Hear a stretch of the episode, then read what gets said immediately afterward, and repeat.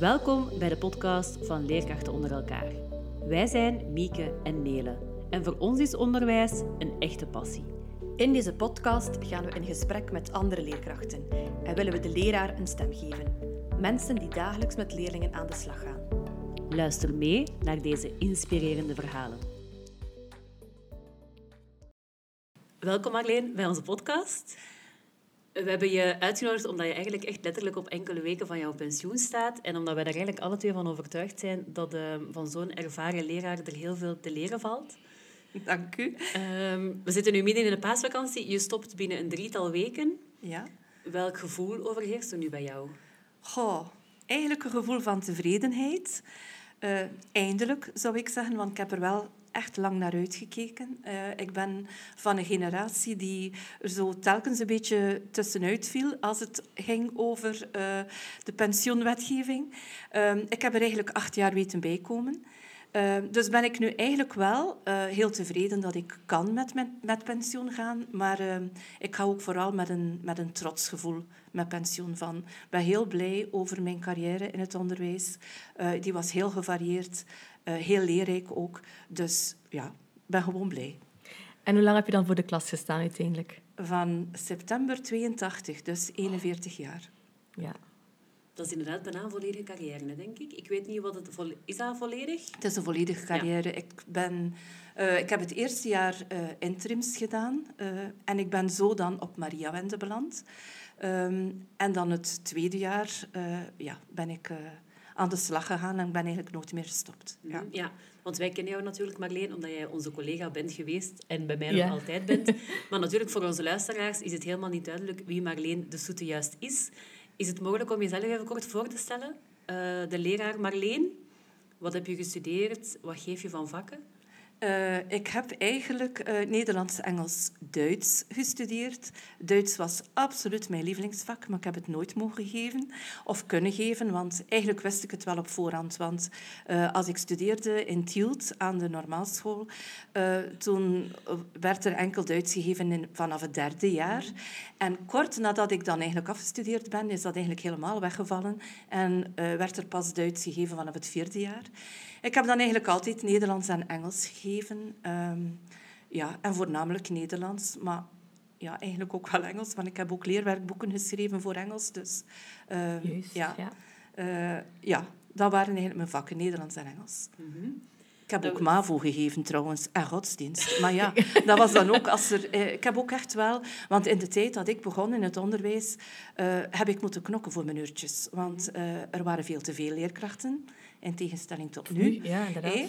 Um, dus ik heb echt moeten knokken. Uh, ik ben zelfs ook studiemeesteres geweest. Ik heb ook eens een interim nog gedaan in een andere school, want uh, na enkele jaren werd ik uh, geconfronteerd met reaffectatie. Mm -hmm. Dus er was iemand die al mijn uren kwam inpikken, in feite. Um, ja, die man kon er uiteraard niet aan doen. En die is zelf dan een korte tijd na, nadien uit het onderwijs gestapt, omdat hij het niet meer zag zitten om in al die verschillende scholen te staan. Um, maar ik heb dan eigenlijk uh, dan toch die uurtjes uh, ja, weten op te vullen met uh, MAVO, omdat dat toevallig vrij kwam. ik heb dat nooit niet zo graag gedaan, maar dat, waren, dat was echt mijn vak niet. Um, en dan zelfs ook eens een jaar godsdienst, omdat, dat ook, om, omdat ik aan mijn uren zou geraken eigenlijk. Ja. Oké, dat wil eigenlijk zeggen dat we helemaal klaar zijn om in jouw rijke en lange onderwijscarrière te duiken. Dat wil zeggen, 41 jaar geleden, Marleen, was jouw start in het onderwijs. Ja. Uh, herinner je je daar nog iets van? Ja, uh, nog heel vaag. Ik weet dat ik toen het eerste jaar begonnen ben in 1B. Maar dat was maar voor één jaartje. Want eigenlijk een volledige constante, dat was uh, Nederlands in 2B. Tot voor twee jaar uh, heb ik altijd Nederlands gegeven in 2B. Ja. En dat is zelfs eens fulltime geweest, want het, er waren vier klassen 2B. Um, dat was in Sint-Bernadette toen en Maria Wende, want later zijn die twee scholen dan gefusioneerd. En dat was 20 uur, vier keer vijf uur. En we kregen vroeger nog een uur Nederlands extra. Mm -hmm. uh, omdat we Nederlands gaven, kregen we gewoon uh, een, een uur extra cadeau. Hè? Uh, dus dat was mijn fulltime. Ik heb dan ook altijd ook Engels gegeven in de A-stroom, tweede en derde jaar. STW, TW, handel, handeltalen. dat was zo'n beetje het begin. dus dat was zo'n beetje de combinatie. Totdat ik dan eigenlijk uh, een tijd later volledig overgestapt ben naar het beroepsonderwijs, dus naar, uh, naar het BSO. Mm okay. Is Marleen als leerkracht in die 41 jaar veel veranderd? Als leerkracht zelf, um, als je het lesgeven bedoelt, eigenlijk niet, denk ik. Nee, ik denk dat ik nog altijd met evenveel passie en uh, enthousiasme ja. lesgeef. Ik probeer ook nog altijd um, alles zoveel mogelijk visueel te maken. Ik ben niet zo voor die bordboeken die er nu zijn. Ik moet dat mhm. heel eerlijk zeggen. Er is heel veel veranderd. Maar ik vind, um, vooral als je dan lesgeeft in een 1B of een 2B, dat je de leerlingen eigenlijk zelf moet leren dingen ontdekken.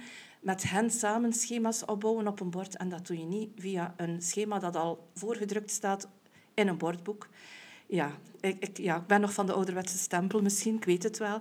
Maar eh, ik vind dat, uh, ja, ik vind dat, dat leerlingen eigenlijk zelf moeten kunnen een schema opbouwen. Uh, geef mij een, een bord en een krijtje. En ik ben daar heel gelukkig mee eigenlijk. Veel meer dan met die computers. Ja, want het, inderdaad, er is ook qua digitaal werken heel veel veranderd. Ja. Als je denkt, 41 jaar terug en nu... Hey, we, smart, we hebben smart school, we hebben dat die digiborden. Was dat voor jou dat toch elke keer een aanpassing ja, dan? Ik zeg altijd, er was een leven voor Smart School en er is een leven met Smart School. en uh, eerlijk, ik hield veel meer van het leven zonder Smart School. Want wij praten veel meer met elkaar als leerkracht. Mm Was er dan iets heel dringends, dan werd dat gewoon in ons brievenbakje gestopt. Ja. Terwijl nu, ja, eh, ze kunnen je altijd bereiken via mail. Zowel ouders, leerlingen, collega's. Uh, je wordt nooit meer gerustgelaten.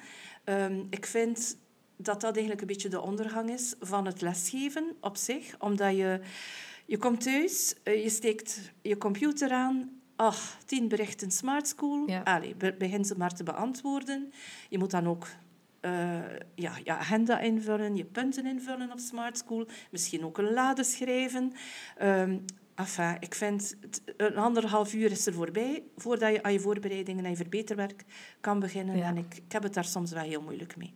Ja. Dus je hebt wel het gevoel dat die digitalisering voor jou als leraar een alleen een grote extra werklast heeft bezorgd eigenlijk. dat heeft voor enorm veel werklast gezorgd, ja. Pas op, hé. het is een heel handig communicatiemiddel. Hé. En eh, men moet vooruit en het moet vooruitgang zijn. En, en het onderwijs moet evolueren, dat weet ik wel.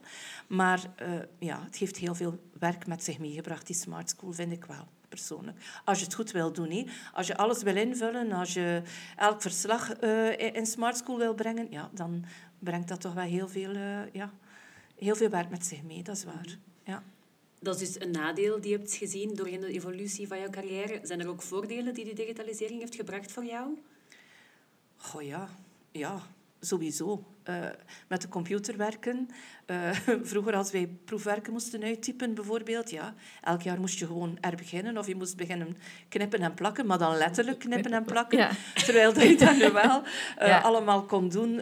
ja, op dat, op dat gebied was er wel uh, dan spaarde je wel werk uit, mhm. omdat je dus examens van vroeger opnieuw kon gebruiken. Mhm. Ook lessen van vroeger opnieuw kon gebruiken, met een beetje te veranderen. Ja, dat wel. Ja, absoluut. Het is niet allemaal verkeerd, hè. Nee, nee, nee. Uh, zeker niet. Nee, nee, dat heeft inderdaad... De, allee, dat computergebruik heeft ook wel zeker zijn voordelen gehad. Zeker. Ja. Nu, niet alleen het onderwijs is veranderd, hè. Ook onze leerlingen, ik heb zelf 17 jaar voor de klas gestaan. Ik vind al een groot verschil, 17 jaar geleden en nu. Ik denk dat dat bij jou misschien nog wel mhm. meer is dan bij mij, denk ik dan. Of ben ik verkeerd? Nee, ja, de leerlingen veranderen, maar wij veranderen ook, denk ja, ik. dat is ook waar. En uh, de leerlingen worden mondiger, ze zijn spontaner, ze zijn eerlijker. Ik vind dat ja, waarden en normen soms wel een beetje verdwijnen. Uh, leerlingen kennen geen grenzen meer. Als zij nu spreken tegen een leerkracht of tegen de directie of tegen een vriendin, voor hen is dat allemaal hetzelfde. En dat is wel een beetje uh, veranderd zo. Maar eigenlijk zie je ook hetzelfde bij de volwassenen. Dus ja, leerlingen zijn veranderd. Maar, uh, god ja, nee. Ik heb daar eigenlijk niet veel probleem mee. Nee. Heeft dat jouw aanpak in het lesgeven wat toen veranderen? Het feit dat je toch een andere dynamiek in je klas hebt zitten? Ja, dat is zeker. Ik ben uh, ja, zelf eigenlijk gaan vragen in de tijd om permanente evaluatie in te voeren bij ons op school. Um, ik heb dat gelukkig mogen doen. Ik heb een jaar mogen prospecteren samen met een andere collega, met Marion. We zijn een jaar op prospectie geweest in andere scholen, gekeken hoe het daar liep. En dan zijn we het jaar erop mogen beginnen. Dus, eh. en dan de laatste jaren zijn we zelfs overgestapt naar teamteaching. Gewoon ook omdat, ja, omdat leerlingen veranderen, omdat uh, je op een andere manier les moet geven. Uh, wil geven ook, omdat je ze ook zelfstandiger wil maken, de leerlingen. Ja, dat heeft inderdaad wel ja, dingen doen veranderen. Nee, sowieso. Ja, dat klopt. Maar ja, eigenlijk... Ik vind dat niet erg, want ik ben eigenlijk zelf meestal... Als er dingen werden aangepast, was ik zelf altijd de eerste die in de rij stond om dat door te voeren, om dat te gaan vragen, om te vernieuwen. Ja, nee, dus ik vind dat helemaal niet erg. En dat innoveren, dat is bij jou eigenlijk nooit gestopt, hè? Eigenlijk niet. Nee, nee. omdat ik dat van mezelf soms afvraag, van zie ik mezelf dat nog doen? Zo toch nog terug, alleen, want jij hebt nu teamteach gedaan. Ja, hoe oud was je op dat moment? Echt al bijna op het einde van je carrière ja, eigenlijk. dat klopt. Het is nog vijf jaar geleden voilà. gestart. Hè. En toch heb je dan je daar nog met volle energie ingesmeten? Ja, maar ja. Maar je doet het als je graag les geeft, als je graag voor de klas staat, dan wil je dat ook. Dan wil je vernieuwen. Want als je altijd bij het oude blijft, dat is... Mm. Uh, stilstaan is niet goed, hè. En ik, ja, ik heb altijd willen vernieuwen. Ik heb dat altijd willen doen. En uh, dat heeft me jong gehouden, denk ik dan. Uh, want ja, ik, wil, ik wou absoluut niet vergrijzen. Het is daarom ook dat ik, dat ik met een goed gevoel kan afscheid nemen, vind ik. Ja. ik, heb, ik moet mezelf niet schuldig voelen dat ik dingen niet heb gedaan of niet, niet heb uitgeprobeerd. Ik, heb het altijd, ik ben er altijd voor gegaan. En daarom voel ik me absoluut niet schuldig dat ik, dat ik met pensioen ga. Helemaal terecht, denk ik. Ja. Je hebt natuurlijk heel veel ervaring. Mhm. Heb je die doorheen jouw carrière uh, kunnen doorgeven aan anderen? Goh, ja. Of heb je die voldoende kunnen doorgeven? Want ik, ik denk nu van ja, jij bent eigenlijk voor, zeker voor ons en voor heel veel jonge collega's het voorbeeld. Ja, met al die jaren, zeker in de affinaliteit, ja. heb je het gevoel dat er van jouw ervaring genoeg gebruik is gemaakt, om het zo te zeggen? Goh, dat weet ik eigenlijk niet. Ik heb wel uh, ja, proberen heel veel ervaring door te geven door ook voor GOK te werken. En um, ik heb ook ja, heel veel gedaan voor leren leren in de tijd. Ik heb mhm. ook uh, boekjes samengesteld. Ik heb ook individueel lessen leren leren gegeven. Juist, ja. ja. Dus de mensen vroegen dan aan mij van... wil je die leerling of die leerlingen uit de klas halen? Dus daar heb ik geprobeerd om alles door te geven... Um, Goh, ja, en dan eigenlijk door de projecten met ja. permanente evaluatie, denk ik dat we dan ook... Allee, al was dat niet altijd louter lesgeven, maar dan geef je toch ook wel dingen uh, of ervaring mee met collega's. Moet je heel nauw samenwerken. En dat was eigenlijk altijd wel heel fijn. Dat vond ik dan ook heel fijn. En ik weet dat heel veel collega's dan eigenlijk altijd wel blij waren als ik, er, als ik erbij was. Mm -hmm. um, omdat ik inderdaad wel al een hele hele loopbaan achter de rug had. Uh, en nu met de teamteach, ja, denk ik dat dat eigenlijk wel het mooiste voorbeeld is. Mhm. Want je ziet elkaar ook lesgeven. Ja. Hè? En uh, er lopen andere mensen rond die, die dingen oppikken van jou. Dat kan niet anders, denk ik dan. Mhm. Maar ik pik ook dingen op van hen. Hè? Allee, ik vind lesgeven of in teamteach is dat voortdurend leren van en aan elkaar. Dus ja. Ja, teamteach is inderdaad jouw laatste innovatie ja, in het, het, onderwijsveld. Um, hoe ervaar je teamteach? Want dat is zoiets dat wel leeft. Hé. Wij zien ook heel vaak wel dingen passeren op Instagram, op Facebook, van mensen die zoekende zijn naar hoe kunnen we met vooral affinaliteit leerlingen, denk ik, om. En dan hoor je heel vaak het woordje teamteach. Hoe, heb, hoe, hoe evalueer jij nu na vijf jaar teamteach? Hoe ervaar je dat? Hoe zeg je van... Ja, ik vind dat wel heel fijn. Ik vind dat, vind dat tof. Dat je, want de groepen leerlingen worden natuurlijk steeds groter in mm Teamteach. Dit jaar hadden we er dertig. Uh, ik vind dat dan wel heel tof dat je er niet alleen voor staat. Ja. Want er zijn ook heel wat probleempjes buiten de klas. Hè? Ruzies, uh, social media, mm -hmm. uh, waar dat er toch heel wat misbruik van gemaakt wordt van die leerlingen. En dan sta je daar wel niet alleen voor om, om ook dergelijke probleempjes op te lossen. En dan naar het lesgeven toe, uh, het van, el van elkaar leren en met elkaar lesgeven, dat vind ik eigenlijk wel heel tof. Um, ja, ik zou het eigenlijk nog toffer vinden als, als je dan bijvoorbeeld voor Nederlands met twee leerkrachten zou staan. en dat je dan eigenlijk... Eh, in 2B was dat zo. Uh, enkele jaren geleden. En dan, dat was met Veronique Hoorn. En dan verdeelden wij echt uh, die lessen. Hè. Dus dan, uh, ik gaf eens een stuk. Of ik zei bijvoorbeeld, ik voel me beter mm. bij een stukje grammatica. En zij voelde zich beter bij, bij teksten bijvoorbeeld. Dan verdeelden wij dat volgens dat we zelf ons daar heel goed bij voelden. Of we gaven elke stuk van de les. Of we gaven, we gaven samen les. En dat vond ik echt wel heel tof. Terwijl nu, dit jaar, geef ik Nederlands alleen. Ja, dan sta je er wel meestal ook alleen voor de klas. Maar als het dan weektak is, dan helpen de andere collega's ook wel bij het verbeteren en bij het nakijken. En ik verbeter ook wiskunde, ik verbeter ook Frans. En dat is eigenlijk wel heel tof. Ik vind het, ik vind het in ieder geval een meerwaarde. Zeker voor onze leerlingen van 1B. Ja. Is dat volgens jou ook een deel uh, het... het um, de oplossing van het probleem in het onderwijs om veel meer samen voor de klas te gaan staan en er samen Denk samen de problemen aan te pakken? Ik denk dat wel, ja. Ik denk dat dat wel een, uh, ja, een zekere goede vooruitgang is. Ja, dat denk ik wel. Zeker in die, in die beroepsklassen is dat wel echt nodig om samen te werken, vind ik. Ja. En ja, wat je zegt, hé, we, we leren van en aan elkaar. Hé. Ja. En uh, ja, ik vind dat eigenlijk echt heel tof. Ja. Mm -hmm. Nu, je ervaring, leerlingen weten dat, hè, dat je uh, al enkele jaren, of al vele jaren, een, een boegbeeld van de school bent. Heeft dat een invloed, denk je, op jouw klasmanagement? Het feit dat leerlingen weten, ah, dat is al een gevestigde waarde op school? Of, ik of denk niet dat ze dat weten als ze binnenkomen bij ons in het eerste jaar. Dus aan een boegbeeld, dat zou ik me nu niet precies noemen. Ik weet nog heel vaak op open deurdagen. Mama, mevrouw de Zoete, je bent hier ook nog. Ik heb nog les gekregen van jou. Ja. Dus op dat vlak natuurlijk. Ja. Ik zie eigenlijk heel veel, veel uh, allee, ouders die nog bij mij in klas gezeten hebben, die met hun kinderen komen. Hè. Mm Dat wel. Ik heb, dat is eigenlijk al heel veel jaren aan de gang. Ja, ja, ik kan toch denkt, alle... oei, oei, oei, hoe oud word ik? Dat je dan eigenlijk al ja, de, tweede generatie krijgt. Hè. Mm dus, uh, en dat is, ik zeg, dat is eigenlijk al heel lang. Ik denk dat dat al twintig jaar aan de gang is. En dat is zo. Op, op uh, open deurdagen zijn ze daar nog altijd van, ah, mevrouw de Zoete, weet je nog? Ja, en dat herinneren ze zich meestal ook wel. Uh, also die van de laatste jaren, als ze van iets spreken, dan is het van Sjaak. Uh, die musical, dat is voor hen ja, het van het. Uh, dus ja, ja, zeker weten. Ze komen graag terug. Ik zeg altijd, zijn goede zielen die terugkeren. En ze keren eigenlijk echt wel vaak terug, dat is waar. Ja, want je hebt eigenlijk ik ben een hele carrière doorgebracht in die 1 en 2B. Ja, dat klopt. Uh, wat spreekt jou zo aan aan die leerlingen? Waarom ben je daar zo graag mee bezig geweest? Dat zijn mijn kindjes. Hè.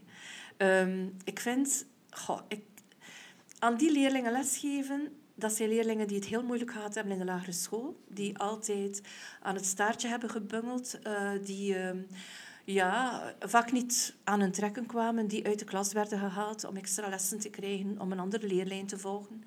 En die komen meestal met een heel bang hartje toe. En die leerlingen dan opnieuw dat vertrouwen geven van... Maar allee, jullie kunnen dat wel dat gaat wel gaan.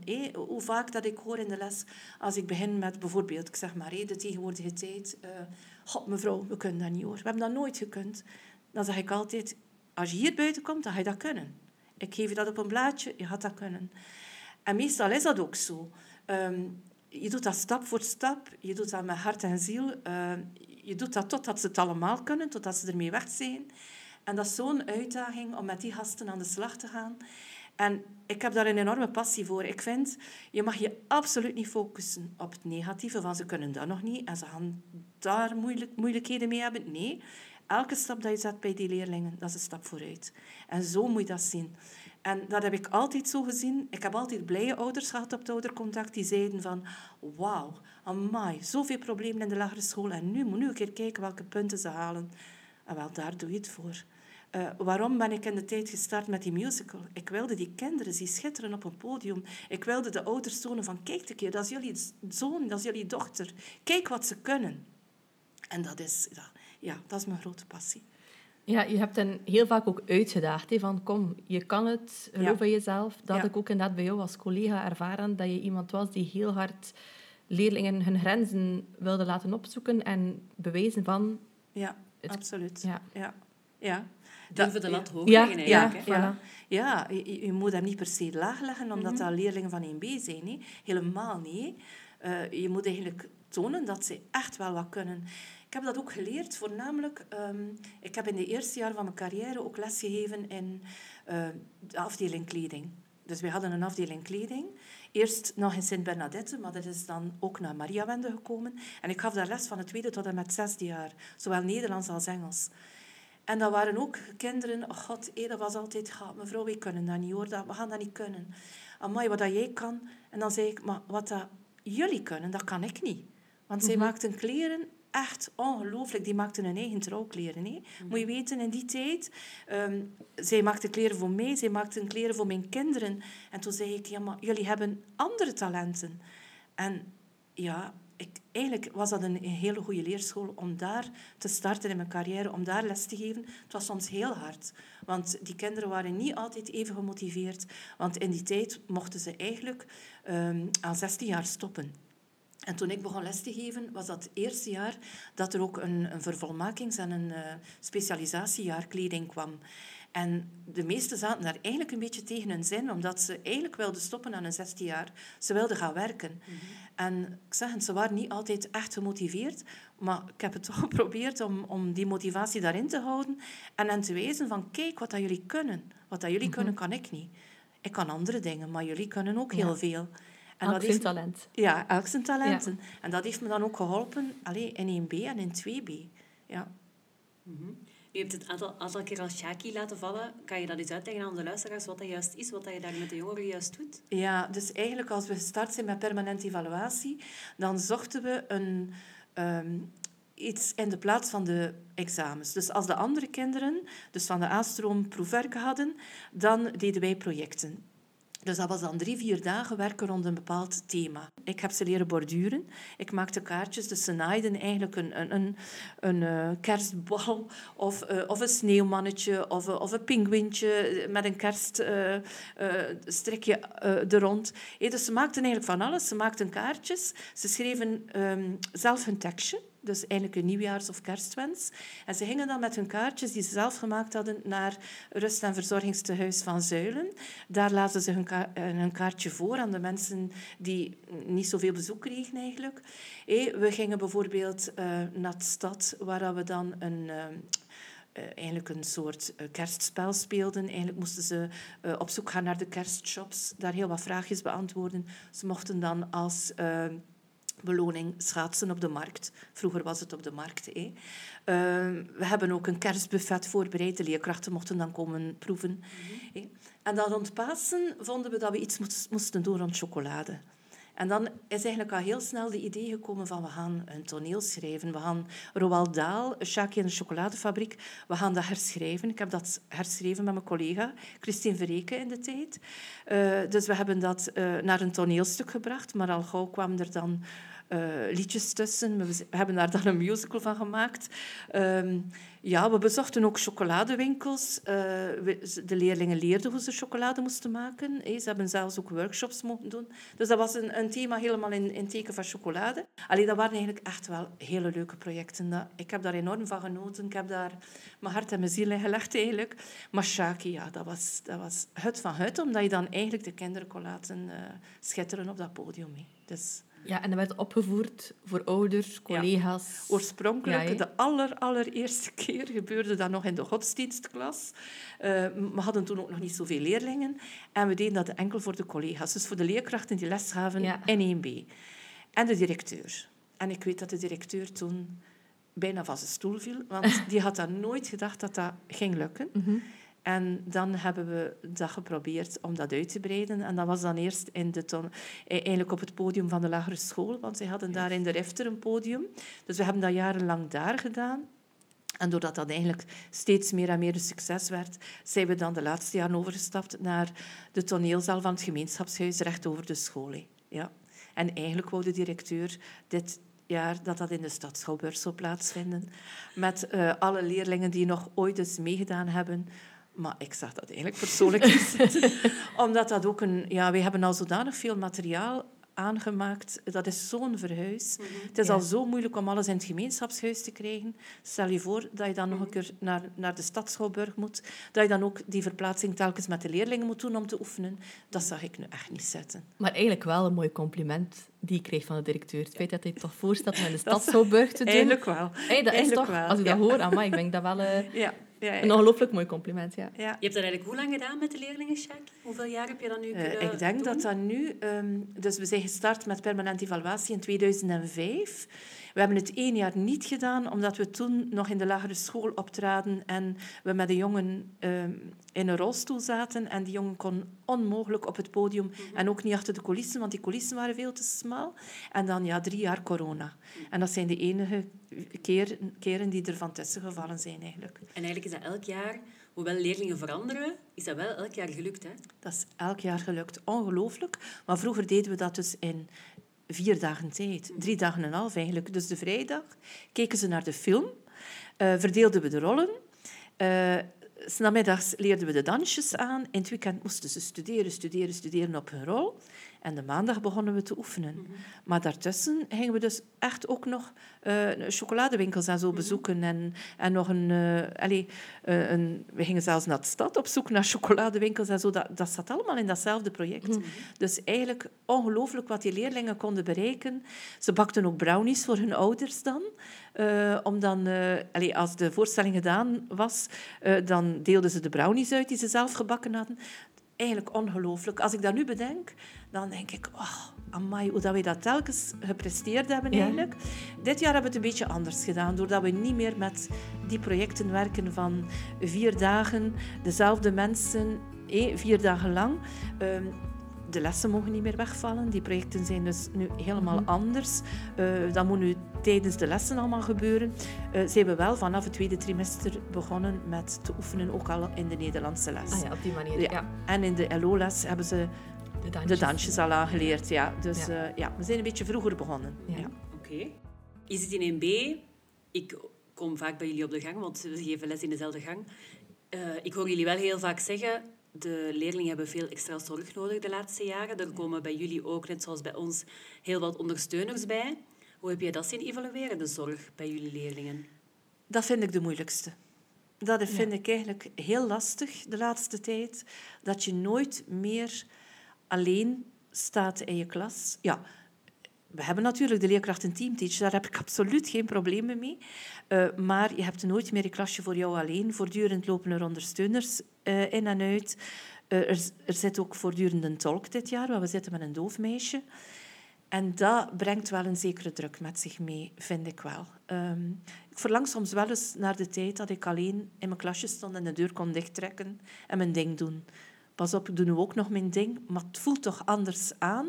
Je voelt je precies altijd bekeken. Eh, hoe raar dat Ja. dat ook klinkt, iedereen mag mijn lessen zien. Nee, Eh, daar gaat het eigenlijk niet om. Maar toch, het is anders. Het is een ander gevoel, want je bent nooit meer alleen. Ja.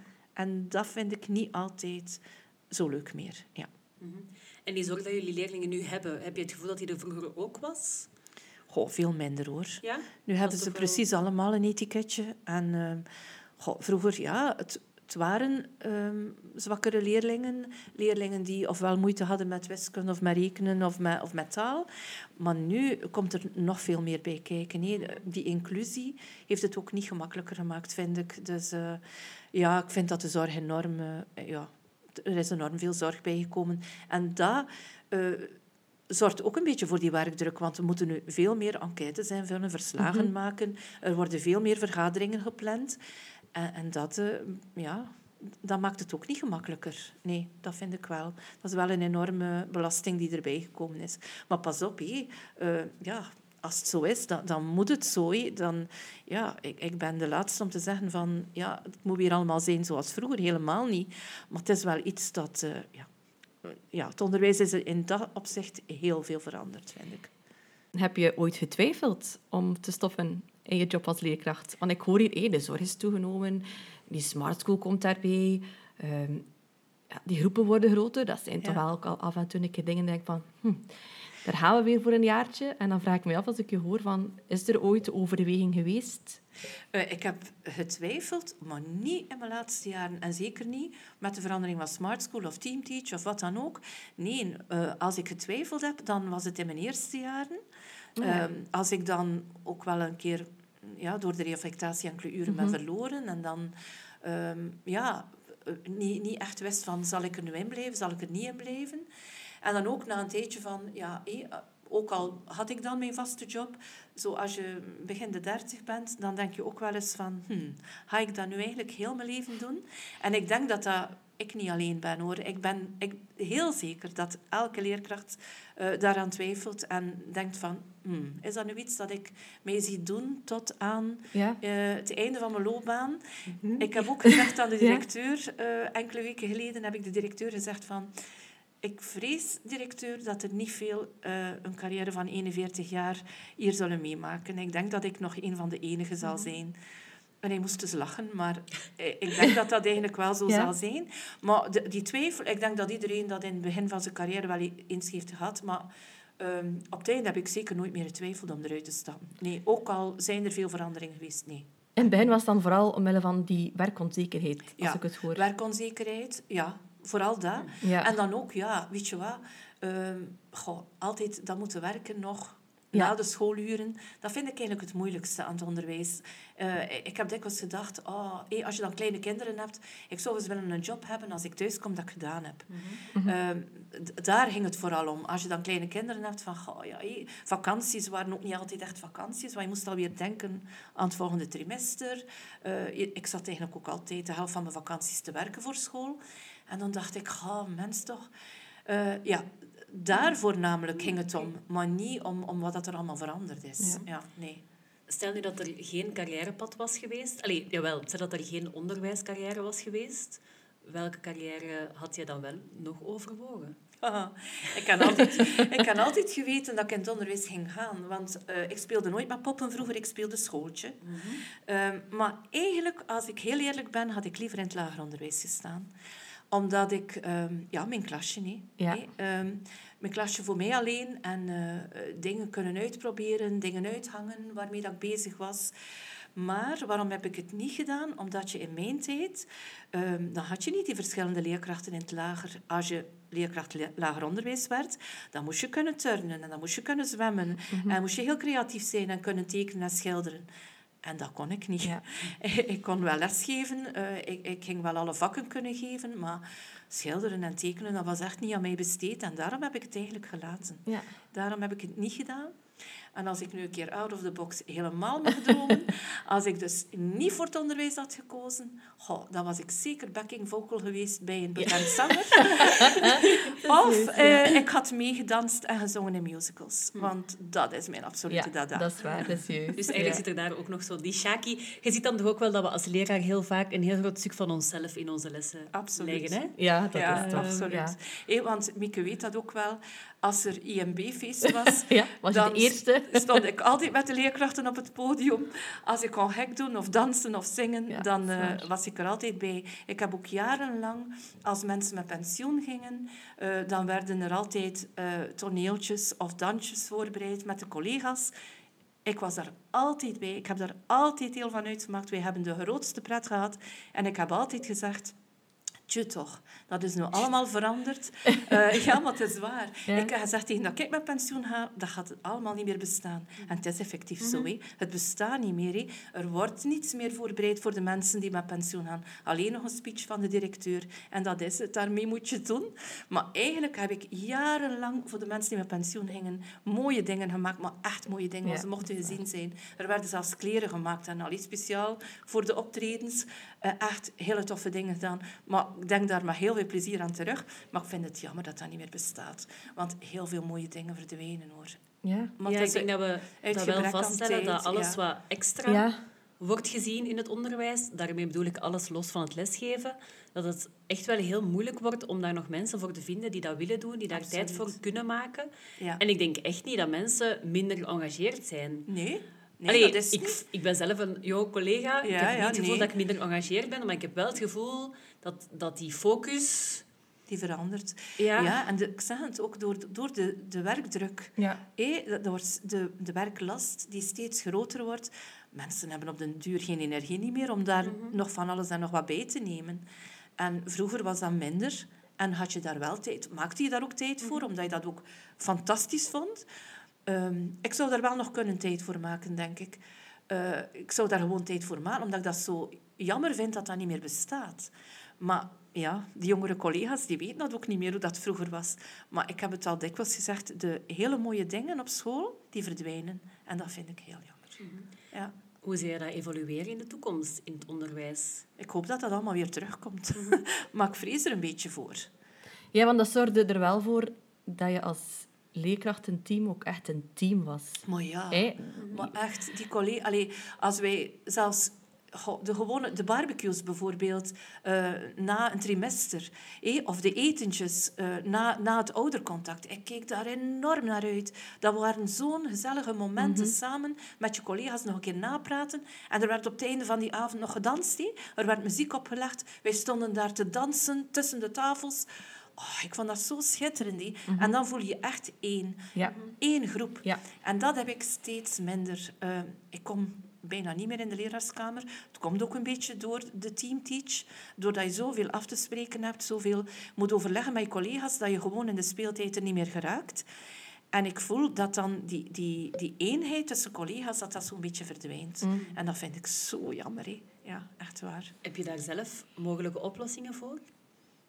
Ja, alles moet terugkomen zoals vroeger. Je moet weer, eh, er moeten weer dingetjes georganiseerd worden, ook eens buiten de lessen, die niets met de school te maken hebben. En denk je dat het door die werkdruk is en door die vernieuwing, dat er daar gewoon als school, en niet alleen onze school denk ik, dat er daar gewoon minder ruimte voor is? Ja, ik denk het wel. Ja.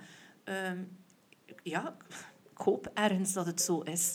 Eh, dat het niet aan de, aan, aan de collega's zelf ligt. Maar ik denk dat eigenlijk bijna niet. Ik heb ook wel het gevoel, de leraarskamer, zeker sinds corona, dat is, nog, dat is niet meer hetzelfde. Hè? Nee, absoluut niet. Nee. Ehm, Nu, er zijn ook veel mensen die er nooit meer geraken, omdat ze daar in het A-gebouw zitten. Tegen als ze... Ja. Hoe groter de school, Ja, hoe- Ja, ja, ja, dat, dat is bij ons op onze school ook zo. Leerkrachten die gewoon er in die tien minuten niet geraken. Nee, je en dus dan heb je inderdaad dat. Ja. contact niet, dat is Nee. waar. Ja. En ja, eigenlijk ook een beetje door onze teamteach. Doordat wij, wij hebben een koffiezetapparaat in onze klas gezet, gewoon. Omdat we er nooit meer geraken. Maar dan vervreem je ook wel een beetje. Er zijn heel wat... Goh, ik durf het eigenlijk bijna niet zeggen. Ik, heb er, ik schaam me er eigenlijk een beetje voor.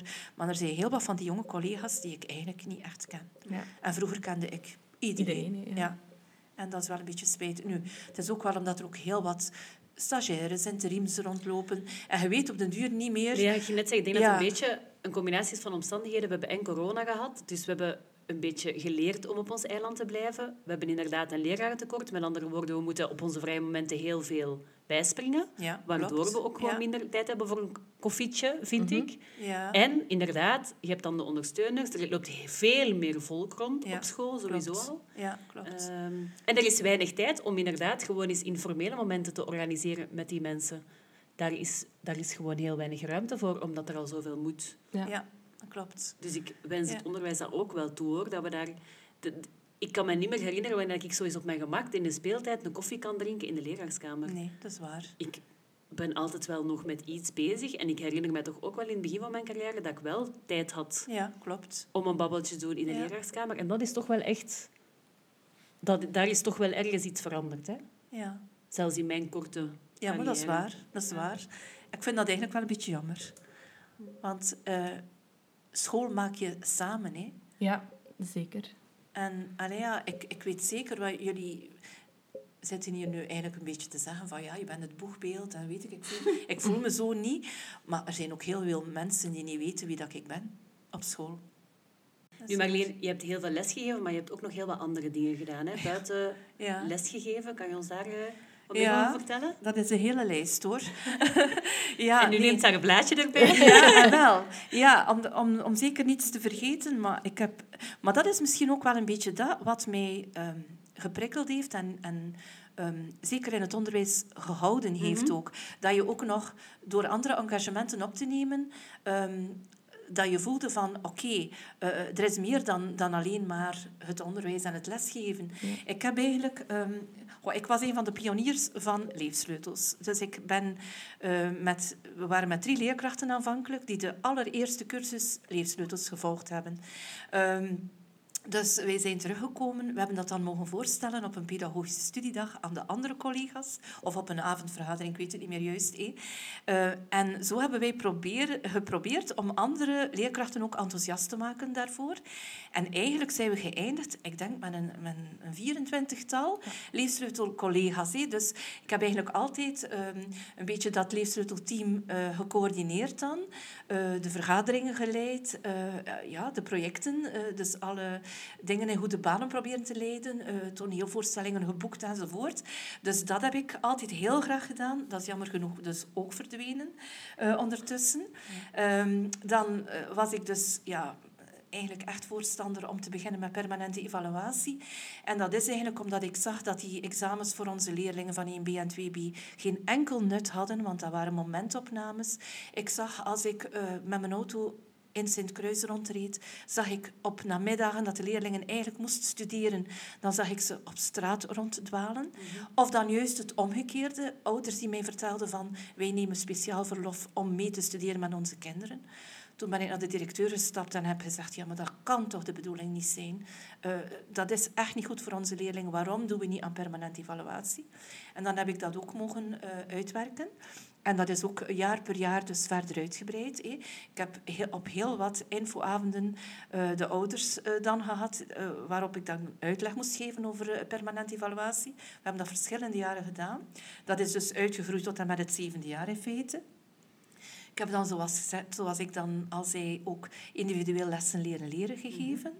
Um, ik heb, dat was niet zo'n mooi cadeau, um, van de directeur moest ik de voeten uh, ingeven in een computerprogramma. Ja. Dus uh, op de activiteitenfiches uh, moesten jullie de vakoverschrijdende mm, eindtermen vermelden. Al die activiteitenfiches kwamen in mijn bakje terecht en ik moest die in een computerprogramma ingeven en dan op een pedagogische studiedag zeggen waarvoor dan al die kleurtjes stonden, waaraan dat er nog moest gewerkt worden.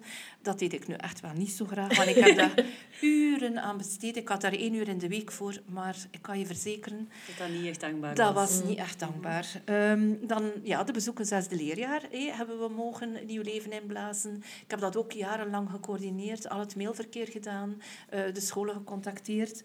Uh, ik heb elf jaar voor GOK gewerkt, gelijke onderwijskansenbeleid.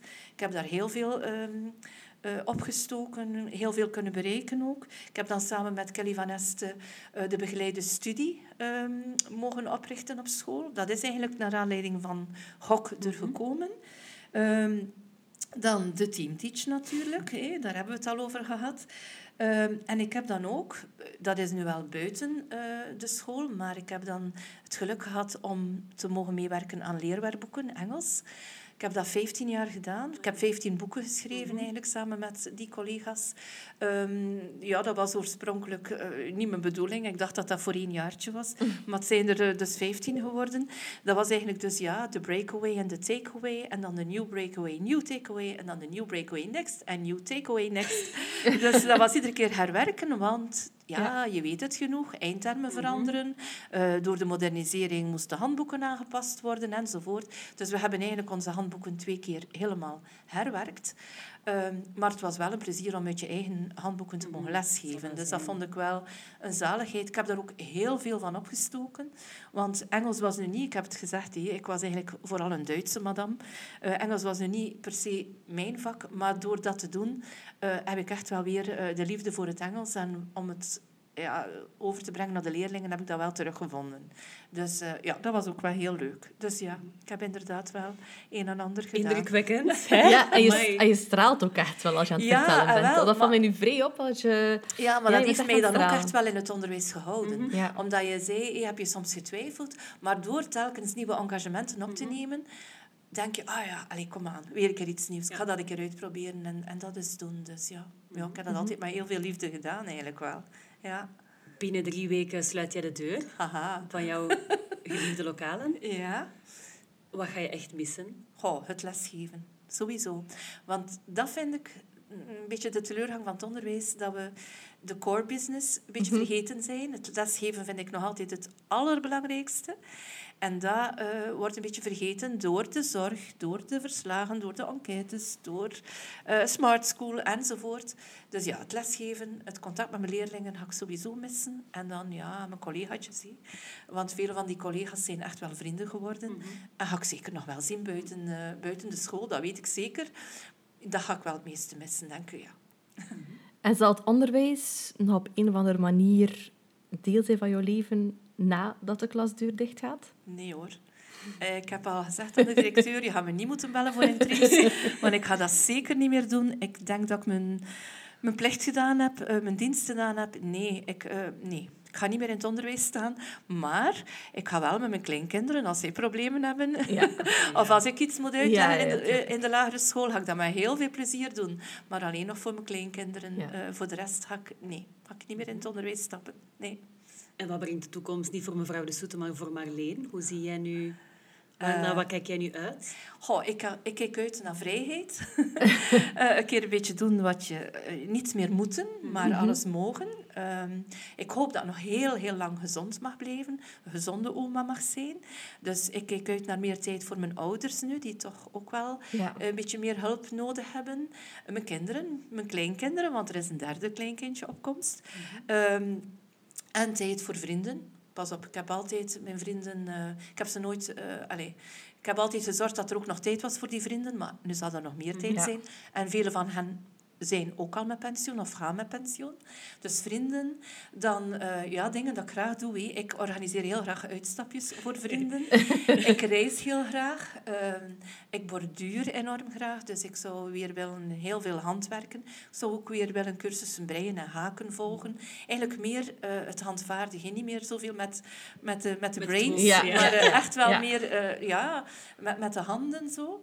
Dus ik wil daar vooral veel tijd voor maken. En eh, ja, eh, ja, doen wat ik graag doe, vooral. Ja. Het is je van harte gegund, Marleen. Het is je echt van harte gegund. Dankjewel. Maar weet dat ik het altijd heel graag heb gedaan en dat ik jullie, allee, dat ik jullie altijd nog heel veel succes wens. hé. En eh, ja, dat ik hoop dat de school mag verder bloeien en groeien zoals hij nu eh, aan het doen is. Oké, heel erg bedankt Marleen om de tijd te maken om met ons een babbeltje te doen. Heel graag gedaan. Heb je genoten van deze aflevering? Abonneer je dan zeker op onze podcast. Voor meer onderwijsinspiratie vind je ons terug op Instagram en Facebook via Leerkrachten onder elkaar. Tot volgende week.